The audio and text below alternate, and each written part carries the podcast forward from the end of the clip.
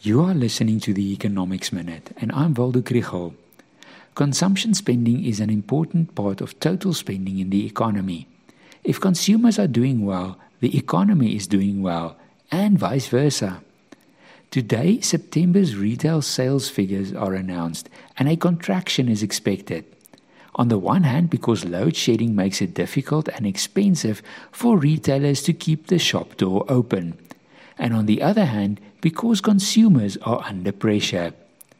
The weak labor market keeps consumer confidence low, and inflation has been eating away at the purchasing power of a salary.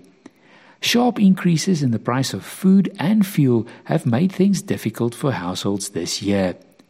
The increases in interest rates that followed made it expensive to borrow money to spend. There are indications that people are using debt to stay afloat. The Reserve Bank's figures show that credit extension to the private sector increased in September, but an important part of that was to businesses.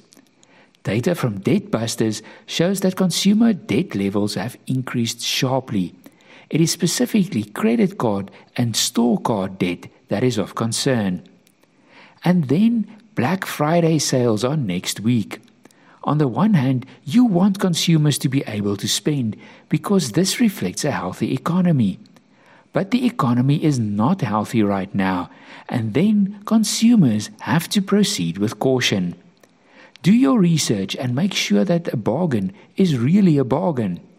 And don't buy it with debt, because when the interest gets added, it might not be such a big sale after all and keep an eye on what will happen in the economy in the next six months. Can your budget handle another 150 basis points repo rate increase?